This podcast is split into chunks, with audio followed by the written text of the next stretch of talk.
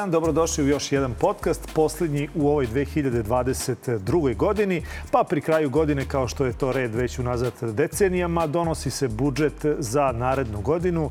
Biće tu sigurno i rebalansa budžeta. Već smo o tome donekle i pričali, ali nije zgorega da to e, sada i definitivno e, kažemo e, na šta će grad Beograd, to jest na šta ćemo mi svi kao građani Beograda davati pare u narednoj godini, šta je to što je grad Beograd izdvojio kao sredstva za neke projekte koji su od vitalnog značaja, a šta je ono što je stavljeno u zapećak i šta je ono što se već godinama gradi, a nikako da se završi. Zato je moj današnji gost Dobrica Veselinović, predsednik odborničke grupe u Skupštini grada Beograda za dobar grad. Dobrice, dobar dan, dobrodošao. Hvala na pozivu. E, ja ću na ti zato što se znamo dugo godinama i mislim da smo tu negde ovaj, i, i generacija, pa bilo bi, bilo bi lepo da taj način vodimo ovaj razgovor. E, juče se to završilo, ovaj podcast se snima utorkom za sve one koji ne znaju, emituje se četvrtkom, ali dakle u ponedeljak smo imali tu sednicu sinoć a, gde je priča završena i sada možemo a, reći koliko novca odvajamo za sledeću godinu. Ja ću pročitati, to je 16,7 milijardi dinara, ali predlažem da, ovaj, da je možda pametnije, to jest 205 milijardi dinara ukupno, e, ali predlažem da je pametnije možda govoriti u, u evrima, e, jer će svima biti približnije i jasnije e, kolika količina novca se odvaja za grad Beograd.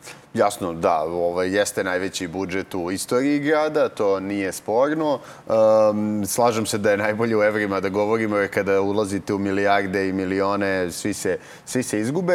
Mi smo imali juče jednu, ja bih rekao, maratonsku sednicu Skupštine grada. Bilo je 47 tačaka dnevnog reda, jer uz budžet dolaze i rebalansi poslovanja i planovi poslovanja svih javnih komunalnih preduzeća, tako da je to jedan, jedan, jedan veliki broj raznih um, odluka i raznih programa poslovanja i imali smo neke stvari koje dolaze, uh, kako bi rekao, po, po samom toku stvari, imenovanje ulice, podizanje uh, spomenika Agustinu Netu, kadrovski planovi i slično. Ideja je uvek nekako bila, što je nama čudno, jer smo mi nova odbornička grupa, da se sve završi za jedan dan i onda tu nema, nema pauze, ima skraćeni postupak, objedinjene rasprave. Ideja je da, jel, da se sve to završi u toku jednog dana. Ja moram priznati da onda u nekom trenutku, što mi je žao, uh, mislim da građani izgube malo interesovanje, jer stvarno ima mnogo i materijala i mnogo tema i onda se ne može ulaziti u detalje ni u raspravi, a mislim da ni ljudima nije toliko zanimljivo šta je planirao GSP, šta je planirao uh, Sava centar koji dalje postoji kao javno preduzeće, šta je planirao javno preduzeće ADA i tako sve slično, nego se priča ovako o globalnim stvarima. Kad smo kod globalnih stvari, gradonačelnik je najavio da će ovo biti budžet brige o ljudima, što mi zapravo iz njega nismo mnogo mogli da vidimo. Ja bih pre rekao da sve ostaje isto, da je to nekakav status quo bez rešavanja ovih glavnih problema problema u Beogradu. A jeste li ga pitali šta to znači briga o ljudima? Da li to znači besplatne karte za penzionere na bazenu 11. aprila, odlazak u Temišvar ili u neku banju uh, u Mađarskoj ili to znači zaista briga onima kojima je najpotrebnije? Dakle, hoće li to biti samo nastavak onoga što smo vidjeli od Aleksandra Šapića dok je bio predsednik opštine Novi Beograd, pa sada kao gradonačelnik, ili to zaista će značiti brigu o ljudima? Dakle, šta znači ta, da li je floskula? Ma ja mislim da je totalna floskula i evo samo jedan primjer, a to su ovi e, voucheri, takozvani besplatni voucheri koji su e, dobili, dobijaju ljudi sad krajem godine. To je jedna od odluka koja je po meni duboko pogrešna iz nekoliko razloga, ali posle ću o tome samo da objasnim kako je došao od toga. Je, na pretposlednjoj sednici Skupštine grada je on, usvojena odluka da se svim e, predškolcima, osnovcima, srednjoškolcima i deci u vrtićima plus svom nastavnom osoblju u osnovnim, srednjim školama i vrtićima, nezavisno da li su oni privatni ili državni, dodele voucheri, takozvani novogodišnji pokloni, da se naši mališani, kako već to se, se, se kolokvijalno govori, obraduju, jer su sva deca ista i eto pred novogodišnje božićne praznike je važno da im se, da im se pomogne i da im se dodele ti voucheri od 6000 dinara. Ali hajde samo malo stavimo tu stvar u perspektivu. U pitanju je obuhvat jedne stvari, te stvari vouchera eh, od nekih 400.000 ljudi koji će i dece dobiti, dobiti te vouchere u iznosu od 6.000 dinara, to znači nekih 15 15 miliona evra. Znači 15 miliona evra smo mi sad dali a, nevezano od toga a, čiji roditelji zarađuju 5000 evra, a čiji nemaju ni minimalac, tako da oni kupe šta? Sportsku opremu. I uh, u prvobitnoj uh, odluci ono što meni najčudnije bilo je da, da nema nikakvih kriterijuma ni da je to možda roba domaće proizvodnje pa da se negde ekonomski povrati to uloženo, nego je sve ostavljeno na toj isto floskuli sportska oprema da bi posle na tenderskoj proceduri uh, uh, taj posao dobila firma uh, firma koja je dobijala, to je na, nov, na, na, na, na Novom Beogradu, to je taj Sport Vision.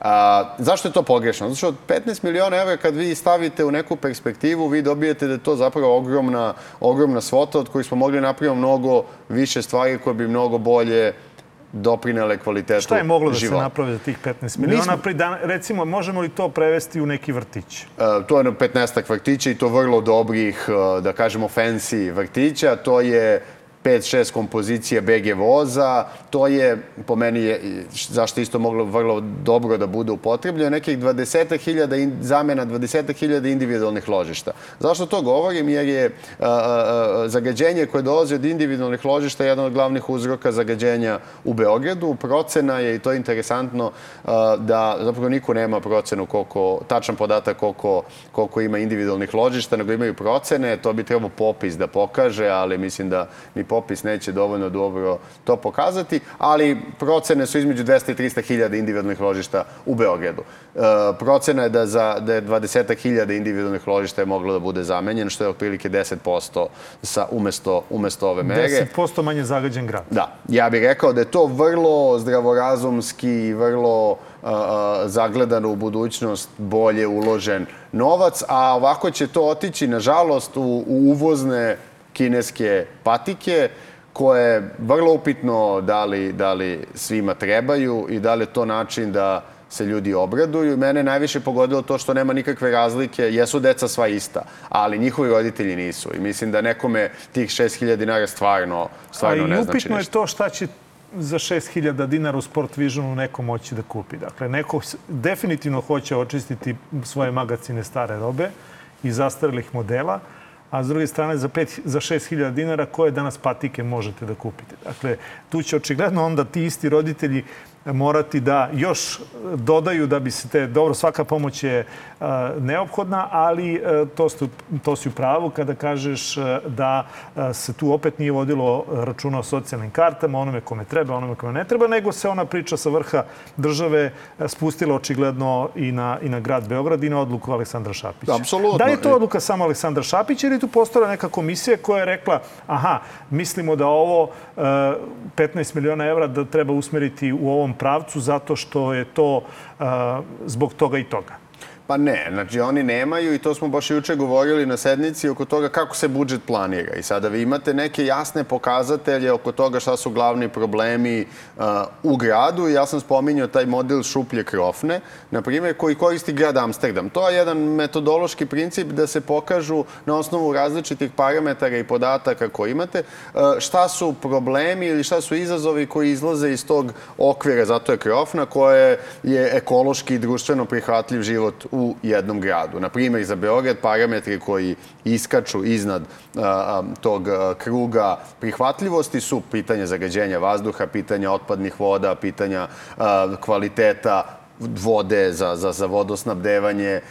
I tu ima sad nekoliko stvari, stanovanje koje onako izlazi iznad prihvatljivog, ali se onda ti problemi ne rešavaju u budžetu i ne rešavaju se finansijskim uh, inekcijama, nego se tako odredi neka mera koja je populistička i koja ima obuhvat velikog broja ljudi da bi oni rekli evo nešto smo konačno dobili od države. Nije da nam država stalno uzima, evo nešto smo dobili. I mislim da je to pogrešno. To nije gledanje politike u budućnosti, to nije nešto zbog čega će Beograd biti poželjno mesto za život. Ja uvek navodim taj primer Beča kao na onim svetskim indeksima, opet su izašli, uh, mislim da ekonomist radi to, ali druge različite kuće. Šta je najpoželjniji život grad za život. I Beč je uvek na vrhu zato što su ti parametri koji pokazuju da vi možete da živite uh, dostojanstveno, da imate krov nad glavom, da možete se krećete po gradu, da grad nije zagađen, da ima mesta za kvalitetno obrazovanje, vrtiće, da poštoje grad različitost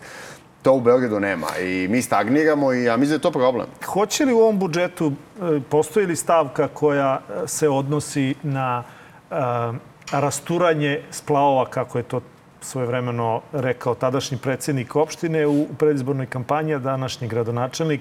Ima li stavke koja uh, kaže ovoliko novca smo izdvojili za građevinske mašine koje će rasturiti splavove na, na Savskom nasipu? Pa to nismo našli, mada je u prethodnom budžetu bilo a, a, prikaz... Zato što ja se sjećam da je, da je e, tadašnji predsednik opštine govorio kako to nije njegova nadležnost i kako bi on to rešio, da je njegova nadležnost, to je nadležnost grada. Evo sad je u gradu čovjek prvi, pa da li ima novca za to? U prethod, prethodna isto, pa prethodna, iako je to ista gradska administracija, je imala ta, taj plan postavljanja plutajućih objekata na celoj teritoriji Jelda Beograda, koji nije bio sprovođen. I oni su imali oko nekih 100 miliona dinara, znači oko milion evra dodatnih prihoda tamo kada oni stave šta će prihodovati grad u godinu dana. Znači, u budžetu je stavilo da će oni prihodovati od različiti taksi koji će naplatiti za splavove jednom kada oni budu postavljeni u skladu sa tim planom.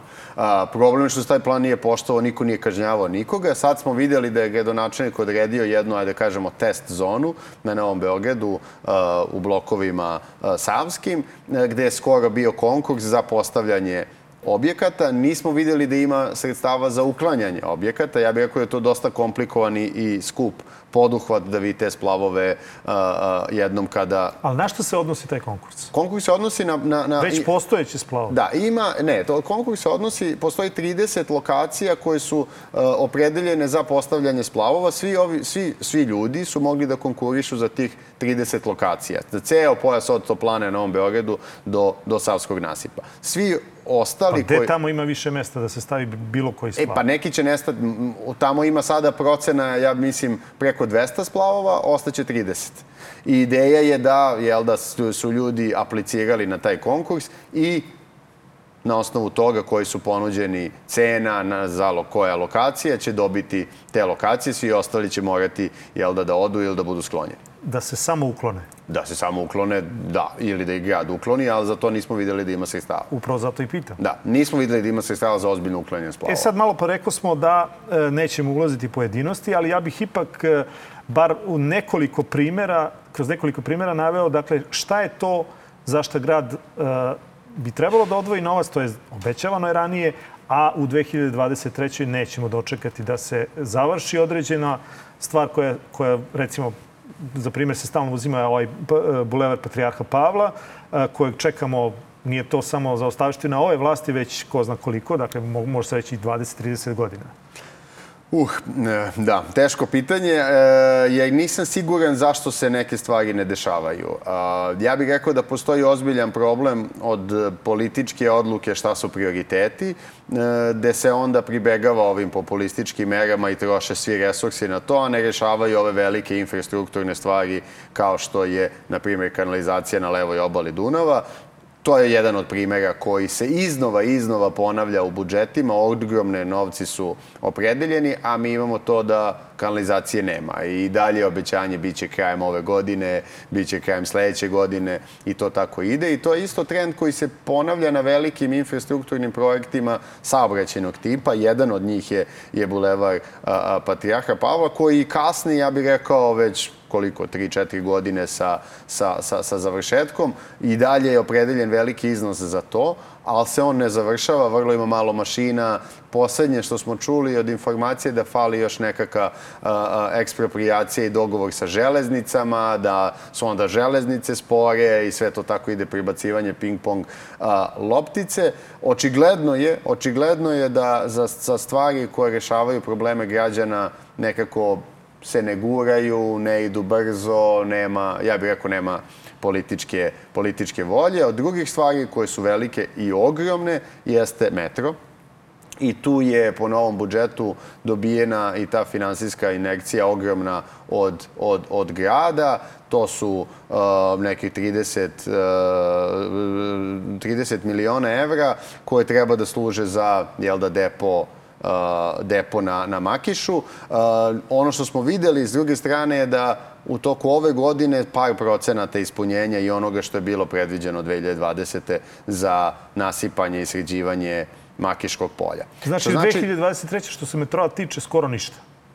Sem nasipanja i sređivanja Makiškog polja, ostalo su sve studije, radovi, vrlo teško, ja mislim da je apsolutno nemoguće da vidimo nešto od ozbiljnijih radova, jer ovaj tempo koji je do sada je pokazao samo par procenata u ovoj godini. Znači, 2020 imate par procenata ispunjenja radova na Makiškom polju. Tako da a to je priprema terena za, za samo depo. Mislim, gde je sve ostalo. Kad smo već kod metroa, e, prošli podcast je gostao Miloš Vučković ovde, pa smo delimično se dotakli metroa. On je upravo bio e, dan pred e, odluku oko, oko toga šta, šta će kuda ići ta linija, pa je bilo i priče da će se menjati ta druga linija. I evo, dobili smo i, i to da će se menjati druga linija. Pa zašto se sad menja ja, linija? I to je isto jedan, jedan čudna, čud, što bi rekli, čudna priča. A, po poslednjim informacijama koje smo dobili juče, juče je i, i gospodin gradski urbanista Stojičić pričao o tome da su eto Francuzi naišli na neke probleme, pošto Francuzi projektuju i da su oni mnogo sporiji nego što su urbanički zavod i naše institucije i sad ima neki problem. Francuzi su sporiji od nas. Je Jeste, kao Francuzi Aha. su sporiji, ne znam šta to treba da znači, ali to je, to je bio nekakav citat. Uz ta druga linija koja treba da ide uz Mekenzijevu je naišla na neki problem i sad oni moraju da menjaju trasu i to je jedan totalno, ja bih rekao, totalno sad neko ludilo da oni ne mogu više ni da se dogovori šta je druga trasa jer se ona menja drastično. Ona sad nešto krivuda, videli smo neke, neke nove planove na, na, na, na internetu. Uh, potencijalno je problem depo kod uh, Narodne, Narodne biblioteke. Tako ja ne znam kako dođe do toga. To mi deluje kao ova situacija sa Starim Savskim mostom. Naime, Stari Savski most je u svim planovima tu gde jeste, a novi most se pravi pored uh, za taj famozni tunel, možemo da debatujemo da li je dobro ili ne, da postoji toliki motorni saobraćaj, ja bih rekao da ne, ali aj samo da, da vidimo kako je došlo do ovog da sad treba se uklanja stari Savski most, uh, je da, da, da taj nastavak Bulevara Zorana Đinđića, Dobro je prirodna, jel da, prirodni nastavak za sledeći most između uh, Interkontinentala i, i Sava centra. Uh, I sada to ne može se desiti, da je tu neko napravi ovu kulu Beograd.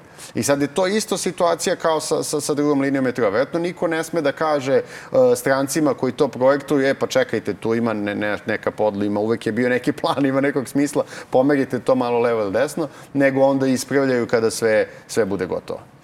Uh ono što takođe ne smemo da, da, da preskočimo, e, to je ova sad aktualna situacija oko e, onoga što se desilo u Pirotu. Da li je juče bilo na sednici, da li iko govorio o tome e, oko transporta kroz Vračarski tunel, transporta opasnih materija, dakle, da li je o tome bilo reči da se taj saobraćaj transportni saobraćaj kroz, kroz sam centar grada izmesti ili na neki drugačiji način reši. I imaju li oni rešenje za tako nešto ili ćemo opet čekati da ne daj Bože da se desi izlivanje nekog amonijaka u sred Beograda pa da imamo apsolutnu katastrofu? Pa nije niko. Mi smo to spomenuli na početku, da je to jedan, treba da bude jedan od prioriteta u izgradnji grada, taj most kod Vinče, drumsko-železnički, to je nekako ostalo od pre par godina da lebdi, ništa se s tim ne dešava, a paralelno se uzima novi kredit za uklanjanje nečega što je funkcionalno, mislim na stari Savski most. Ono što je primetno isto u ovom, u ovom budžetu je i jako mala iz, i, i, izdavanja za taj sekretarijat poslove odbrana, e, za odbrane od vanrednih situacija i uopšte civilnu zaštitu. Ja mislim da je to jedna od tema koja se užasno često zaboravlja. Mi stalno govorimo da civilna zaštita treba da bude jedan od stubova i prevencija od elementarnih nepogoda, zato što nije više pitanje u skladu sa klimatskim promenom. Nije pitanje da će se desiti poplave. Samo je kada. Da. Samo je pitanje kada. I mislim da grad apsolutno nije pripremljen za to i mislim da ove situacije koje nam se dešavaju bezmalo svake već godine na proleće i jesen sa velikim pljuskovima, poplavama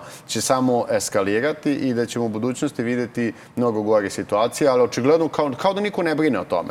E sad... to je jedan o, ima para i neki voucher i bit će sve besplatno sve će biti super, a to što za pet godina ovde ni leti neće moći da se provodi vreme na polju i, i što zimi nećete moći da provodite vreme na polju i ne možete da dišete, to valjda nikog ne zanima. E, prema rečima gradonačelnika, kao i proteklih godina najvić, najviše sredstava pripašće sekretarijatu za javni prevoz, komunalne i stambene poslove, obrazovanje i dečju zaštitu, kao i sekretarijatu za investicije. E, možemo li sad od svakog od ovih da, da, da, da znamo šta to znači kad kažu najviše para će pripasti sekretarijatu za javni prevoz? Znači li to povećanje broja autobusa, trolejbusa, tramvaja, novih uh, ili nešto drugo? Ne. Sekretarije za javni, sekretarije za saobraćaj, sekretarije za javni prevoz, sekretarije za saobraćaj, e, sekretarije za investicije i ovi sekretarije za komunalno stambene poslove su otprilike nekih 40% budžeta. Budžet. Da, to je većina stvari koje se troši, a možemo sada redom. Što se tiče e, sekretarijata za saobraćaj, on se uglavnom E, fokusira na saobraćenu infrastrukturu, znači na puteve i to su te rekonstrukcije što malih e, saobraćajnica, što par ovih velikih kao što je Patrijarha. Ima li još neka da, da nabrojimo da znamo sigurno da će biti rekonstruisana od tih velikih? Pa od tih velikih nema. Odustalo se izgleda od kneza Miloša i tako tih stvari koje su bile. Nema ništa tog tipa veliko. Najveće je metro i to je i javni prevoz i, i pristupne saobraćajnice za to se prave uh, u okviru ovog sekretarijata i to je ono što su oni bacili fokus, to su ogromne pare. Što se tiče sekretarijata za javni prevoz, nema nabavke, nema nabavke novih vozila to je valjda ostavljeno za neki, ja bih rekao politički, za neki od rebalansa, pa onda kažu mi ćemo nabaviti, ali nema ono što je nama negde problematično, najviše da nema fokusa na šinski sistem. Jer su oni rekli metro će da bude glavni, a do tad valjda ko će se baviti tramvajima, BG vozom i trolejbusima, toga nema u nabavkama. Ja stvarno ne znam kako će ti sistemi funkcionisati u budućnosti ako se hitno ne krene u nabavku trolejbusa, BG voz je... Ali zato, ali zato ima zapošljavanje novih ljudi koji će se baviti kontrolom putnika u saobraćaju. To jest onima koji plaćaju i koji ne plaćaju kartu. E, jest, jeste. Koliko para ide za njih? To, jeste. To je sad isto e, nova stvar, jer je e, prošle, mislim, ove godine je odlučeno da se raskine ugovor sa Bus Plusom, da se formira novi, novo komunalno preduzeće koje će se baviti naplatom karata. I sada to novo komunalno preduzeće u svom planu poslovanja, koje je da integralni deo ovog budžeta, planira zapošljavanje prvo 300 pa onda još 350 ljudi do kraja godine, znači to je nekih 650 ljudi koji bi jel da služili da kontrolišu karte kako bi se povećala, povećala prodaja prodaja karata, time obezbedili više sredstava u budžetu. Trenutno od Bus Plusa, tačnije od Bus Plusa, od, od karata, grad Beograd prihoduje nekih 6, 6,5, manje, 6 miliona evra, 6 miliona evra i to sad pada, jer ljudi imaju tu opciju da od poslodavca dobiju uh, mesečnu, uh, mesečnu kartu u novcu, pa da onda oni odluče da će kupe markicu ili će sipaju benzina, švercuju se. Uh, I sad je ideja da, da taj sekretarijat za taj, to komunalno preduzeće dodatno uloži u kontrolore, znači tih 650 miliona, da bi podiglo naplatu. Ono što se tu krije kao začkoljica je da, to, da će plate tih ljudi koštati 3 miliona, uh, 3 miliona evra. I sad je to jako, po meni, ne, ne, nemoguće ostvarivo da, da ako kažemo da je ovo 6 i ako je ovo 3, to znači 9 miliona evra. Znači da sa mi kontrolorima podignemo prodaju karata i zaradimo više od 9 miliona evra, mislim da nema šanse, da je to pogrešna logika, a da pri, pri, pritom paralelno sistem ostane isti. Ne, ako znači, ne ulož... kontrolori neće doprineti većem prihodu. Ja mislim prihodu. da neće. Ja mislim da neće, dokle god nemamo poboljšanje... Kad ih uporedimo s njihovim platama. Pa, troškovima u stvari. Evo, ako kažemo da 6 miliona od bu, sada, Jasno. sada sa ovim sistemom i dodamo na to uh, 3 miliona, to je znači treba da zaradimo 9 miliona, mislim, nisam siguran, ja stvarno ne verujem u represivne mere dokle god imamo ovakav sistem kakav je. Za, za uzvrat i mi imamo vrlo zdravorazumsku ideju da se uvede jedna vrsta naknade za poslodavce koja bi bila za javni prevoz i koja bi išla direktno, direktno u jel da, budžet grada kao jedna od mera da javni prevoz bude skoro besplatan. A, to je ono što bi moglo da pomogne trenutnoj situaciji, da se poboljša kvalitet prevoza i da se uvede nešto što bi ljudi mogli da vide na svojoj koži da radi. Ja ne verujem da će ljudi i ne mislim da, da, da, da, da je pošteno da uh, represivnim merama, ono, ulazak na jedna vrata, druga kontrolor u vozilu, maltretirate ljude ako ostane kvalitet usluge isti. A složit ćemo se da je kvalitet loš, nije, nije dobro. Ti reče malo pre da je 47 tačaka bilo, tako? Jeste. E, znači, od 47 tačaka za jedan dan sve to se podigne ruke, izglasa se, završi se. E, jesu li e, jedan predlog opozicije prihvatili, prihvatili e, kao dobar i, i da ste se saglasili da eto, to je, nije samo kritika radi kritike, nego je predlog koji je prošao i koji ima smisla. Nisu. I to je nešto što mene zabrinjava. E, pogotovo imajući u vidu da smo mi, na primjer, juče predložili jednu stvar koja je vrlo zdravorazumska i koja mislim da je u duhu brige o ljudima, solidarnosti, a to je da, ako ste ispratili, bio je taj slučaj tetkica i pomoćnog osoblja u vrtićima, osnovnim školama, bolnicama mm -hmm. i slično, koji su tužili državu za regres koji im nije isplaćen, oni su mislili da zaslužuju više novca, nažalost nisu uspeli u tome i e, Vrhovni kasacioni sud je presudio da oni nisu u pravu i da moraju, jel da, u skladu s tim da plate sudske troškove drugoj strani. E sad, u Beogradu ima između 1000 i 2000 takvih slučajeva. Ljudi koji su radili u jel da, vrtićima koji su gradski, u školama i slično. I te slučajeve vodilo gradsko preobranilaštvo. I sad imate taj absurdni slučaj da ljudi koji su nama vršili naj, jednu važnu uslugu, jednu od najvažnijih usluga i najmanje plaćenu uslugu uh, uh, i rade u našim ustanovama, sad dodatno moraju da plate sudske troškove. Naš predlog je bio vrlo jednostavan i vrlo moguće, a to je da se gradsko preobranilaštvo odrekne potraživanja sudskih troškova. I to je nešto što nije neobičajna sudska praksa. Ne razumeli bi da su to neki privatni advokati, pa onda oni od sebi da jel da, ali gradsko preobranilaštvo radi ljudi koji već imaju platu. Tako da bi ovo bio neki dodatan dodatna zarada za grad na onima koji su najslabiji, ali to je bilo odbijeno što bi rekli, glatko. Tako Ima da na tim stvarima nekako ne vidimo da onda jedna od predloga pre, pre ne, nekoj skupštine je bila da se promeni odluka o taksi prevozu kako bi se omogućilo da postoje i vozila za osobe sa hendikepom, što sada ne postoji po sistematizaciji e, i homologizaciji vozila i po odluci o taksi prevozu i onda je to odgovor, na primjer, na to je bio od vladajuće većine, dobro, to možda nije loša ideja, ipak koje ne mogu, ali kao niste vi to dobro promislili. Mi ćemo da preformulišemo. Mi ćemo preformulisati, pa doći će na red. I onda je sad došla ovaj, e, odluka o taksi prevozu, nešto se menjalo oko cene i onda to nije bilo isto uvršteno, iako je moglo. Pa je li ima i jedna ideja koja je, koja je usvojena? Nema. Uključujući tu ideju da, na primjer, na prethodnoj sednici... Od nevladeni, ko, ko tamo uopšte može da predloži bilo šta? Da li samo odborničke grupe ili postoji tu i, i neke organizacije koje štite određene delove stanovništva? Pa, na, eno, recimo sad pomenuli ste lice sa posebnim potrebama. Da li takva ideja da je došla od njih, a ne od opozicione odborničke grupe, pa da se to gleda na taj način, da li bi i takva ideja bila odbijena?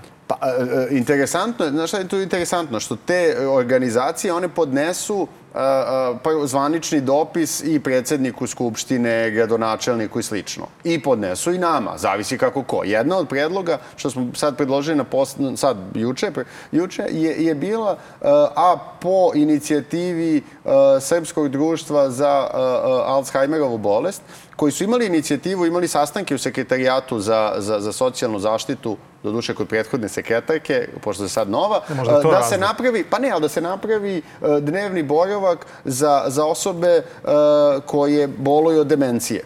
To je, to je veliki problem. Svi verovatno imamo u našem okruženju nekoga koji, je, koji ima, ima taj problem i to će rasti sa starenjem stanovništva, drugim, drugim indikatorima i slično. I onda smo mi to predložili, što je isto bilo odbijeno, iako su i oni dobili taj predlog. Tako da kao da ne, ne, želi da, ne želi da se pokaže Eh, ja ne bih rekao da je to slabost, ali ne žele da se pokaže nikakva konstruktivnost u tome da je dobar predlog nevezano od koga je došao. Ne žele oni sad nama pokažu da smo mi pametniji, to je. Da smo mi kao brži od njih priradili neke dokumente. Ima li pomaka eh, kad je reč o javnim komunalnim preduzećima? Nema nikakvih. To je jedan status quo koji se ti izvešta i, i, i ovaj, uh, planovi poslovanja, ja vas pozivam sve da pogledate. Mi smo vredno radili prvo na skeniranju svih materijala, a onda smo uspeli da izlobiramo i da ih pritisnemo da onda pošalju nam kao na mail sve materijale za sednice, pošto to nije bio slučaj. Vi ne možete da vidite šta su materijali za sednicu ako niste odbojnik.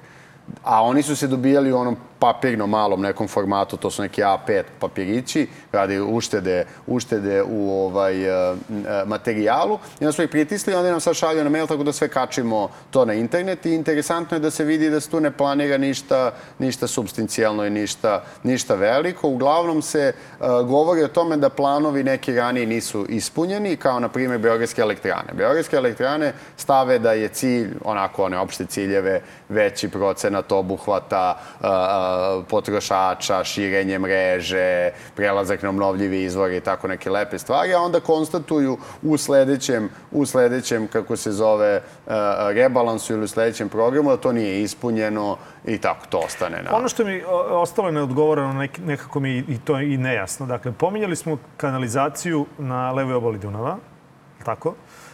I e, tu si rekao da svake godine se planira budžetom veliki novci za, za, za, za tako nešto. A onda se to ništa ne uradi. Pa kud onda nestane taj novac? Da li ne, taj novac se prebacuje samo u sledeću godinu prebacuje, rebalansom prebacuje. i znači taj novac nije nestao? Nije nestao, on je tu. On je tu i on, na, kad je opredeljen za neki projekat, planovi se prave na tri godine uh mhm. -huh. i onda on oni naprave neku procenu, kako bi rekao, prva faza je, ne znam, milion evra. Znači on nije evra. preusmeren? Nije, nije, nije. Za neke druge stvari jeste, kao što je za rekonstrukciju uh, nekih školskih dvorišta, kao što je za, za, za veliki projekat koji je bio za energetsku efikasnost, koji je prosto ništa nije uređeno da i onda se, oni prekombinuju. Da li se ovim budžetom za 2023. odustalo od nečega što je bilo predmet kritike? Dakle, recimo gondola ili, ili tome slično. Dakle, da li, da li su uvideli da tu ne treba ići dalje i da je to loš, loša priča? Uh, gondole i dalje ima uh -huh. uh, u budžetu, uh, iako je ona za sledeću godinu nekih 200.000 dinara, a onda za 2024. Su, su, su mnogo veći iznosi, uh -huh. što se desilo i prethodne godine. Oni kao da neće a da... odlažu, znači? Oni odlažu i onda stave da na početku neki mali iznos, valjda za neku studiju ili to ni ne odgovore, to kao eto, da, čisto da ne izbrišu liniju.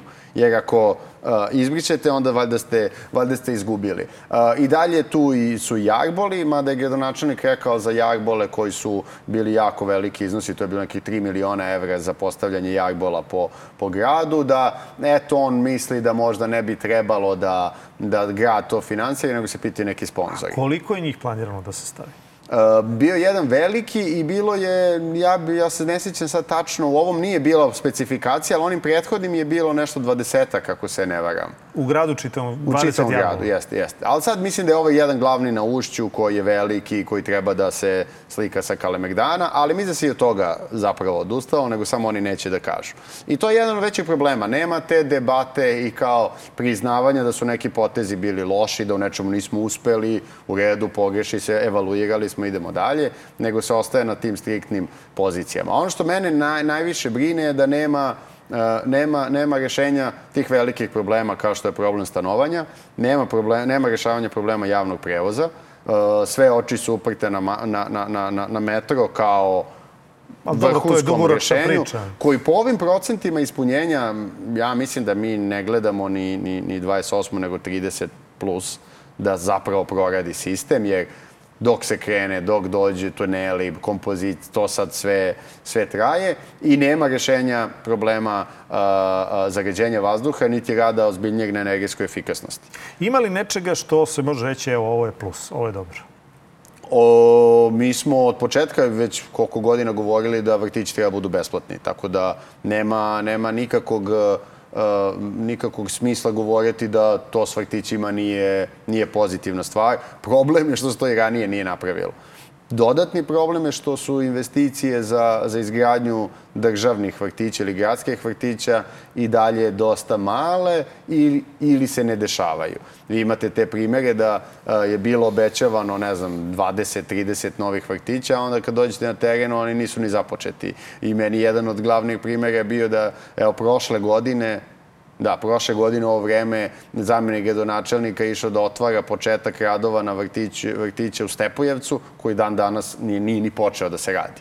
oni tako dovedu, slika se i onda to tako stoji. Šta je za tome uzrok? Ja bih opet ponovio nedostatak političke volje da se stvarno te stvari reše i nedostatak kapaciteta da izvedu te projekte. E sad, ja se vrlo dobro sećam uh, intervju sa sam Aleksandar Šapića dok je bio predsednik opštine u ovom prvom mandatu na opštini Novi Beograd i za neke stvari on je rekao imamo sjajne ideje, ali nemamo novca zato što je centralizovan sistem, ne vrši se apsolutno decentralizacija, opštine dobijaju malo novca. Pa evo, uh, ovde, ako ja sam dobro izvukao u matematiku, 205,5 milijardi dinara je budžet, od toga budžet grada 188, a budžeti gradskih opština 16,7. Znači, ni posle 10 godina se od ove priče ništa, ništa. nije maklo. Centralizovan sistem, o svemu dručuje grad, opština ni o čemu. Može li se onda govoriti o lokalnom razvoju? Ne može. Ne može, pogotovo kada gledamo, e, e, kada gledamo da je za e, lokalni ekonomski razvoj i turizam, na primjer, je cela ta, ta stavka, ceo sekretarijat koji se bavi time, opredeljeno 0,1% budžeta. Znači, grad uopšte nema strategiju i viziju tog lokalnog ekonomskog razvoja, što ja mislim da je povezano sa, i sa decentralizacijom, jer se ne posmatra širina i veličina Beograda i njegova raznolikost. Ja bih rekao da, da, da nam je dosta raznolik grad od, od Padinske skele do, do Lazarevca e, e, i, i, šire. E, I onda nema ni toga da, da, da treba pustiti opštine da određuju šta su prioritete, pustiti neke opštine možda da postanu nezavisni gradovi, kao što su, na primjer, Lazarevac ili Obrenovac. Mislim da možda treba ući u celu e, diskusiju oko teritorijalne decentralizacije grada, zašto se mi zalažemo. I, na primjer, Batajnica. Ima nikakvog smisla da Batajnica ne bude posebna opština, nego bude deo Zemuna. Ili cela leva obala Dunava. Mislim, to su stvarno e, e, suštinske stvari koje, e, ja bih rekao, političke sada ove elite i SNS i SPS koji su već vladaju dugo, ne žele da urade, jer je ovo ipak kontrola. Jer kad vi držite što bi rekli, ko kontroliše kasu, kontroliše sve ostalo. E, I za kraj, mogu li građani da očekuju transparentniju e, predstavu onoga što se dešava u, u Skupštini grada Beograda. Nekako jesu opozicione odborničke grupe prozor u, u svet za sve one koji ne mogu da uđu tamo na tu sednicu. Ali s obzirom i kroz ovu emisiju i, i uopšte uh, uvek je ta rečenica da nije dovoljno transparentno, da se ne zna, da javni uvidi određenih planova, da oni dolaze kasno, da ljudi apsolutno ne mogu ni da se pripreme, pa i kad se pripreme ne dozvoljavaju im u, u, stavno su neka opravdanja, te ne može zbog korone, ne može zbog ovoga ili onoga. Dakle, Može li se na tome, da li, da li činite dovoljno na tome? Pa mi se trudimo i činit ćemo još više. Ovaj primjer Mislim, kad pitam o množini, mislim na sve odborničke grupe u, u Skupštini grada. Jasno. Ovaj, mi smo, na primjer, napravili taj veliki iskorak u digitalizaciji materijala, objavljivanju, um, drugačijem uvidu i prenosu kako teče ta sednica, ali mislim da još mnogo, mora mnogo da se radi. Mislim da postoji jedan ozbiljan problem da se građani tu ne shvataju kao partneri i da se uh, javni službenici ne shvataju kao neko ko treba da radi za njih, kao služba, uh, nego se shvataju kao izvršioci nekog drugog naređenja, a ne naređenja građana. I jedan od primera za to je bio sam, sa, samo formulisanje ovog budžeta. I vi u statutu grada imate da um, nacrtu budžeta prethodi minimum jedna javna rasprava Oni su čak definisali ministra. I onda kaže u zagradi pod javnom raspravom se podrazumevaju okrugli stolovi, zborovi građana, konsultacije, diskusije i sl.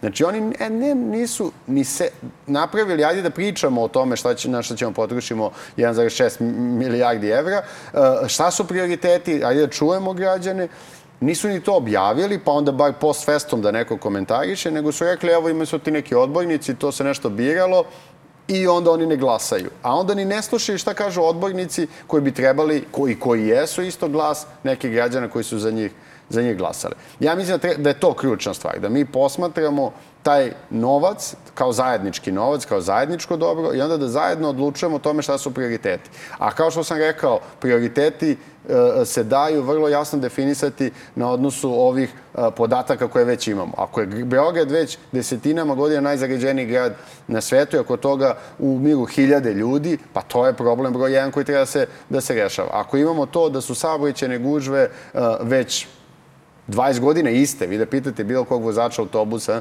onda hajde da to rešavamo. Mislim da postoji mnogo stvari koje možemo da rešimo i koji bi ljudi rekli hajde ovo da rešavamo. Zašto se to ne dešava? Vjerojatno čeka se promeni vlast. Možda, e da, ajde, kad već to kažeš da se promeni vlast, e, imali nekog vetra iz Skupštine grada, pričali se u koloarima, hoće li biti izbora na Beogradskih sledeće godine?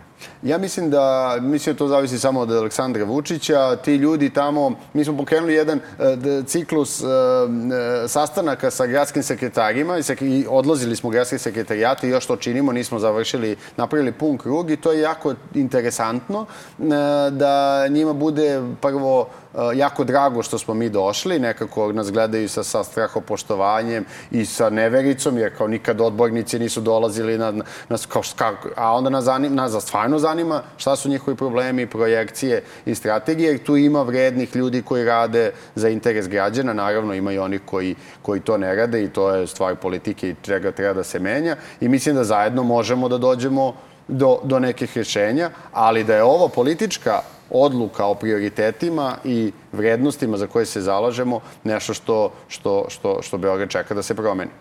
Dobrice, hvala ti puno na izdanom vremenu. Želim ti sve najbolje u nove godini. Pa i vama, poštovani gledalci, sledeće godine ponovo nastavljamo tamo gde smo stali.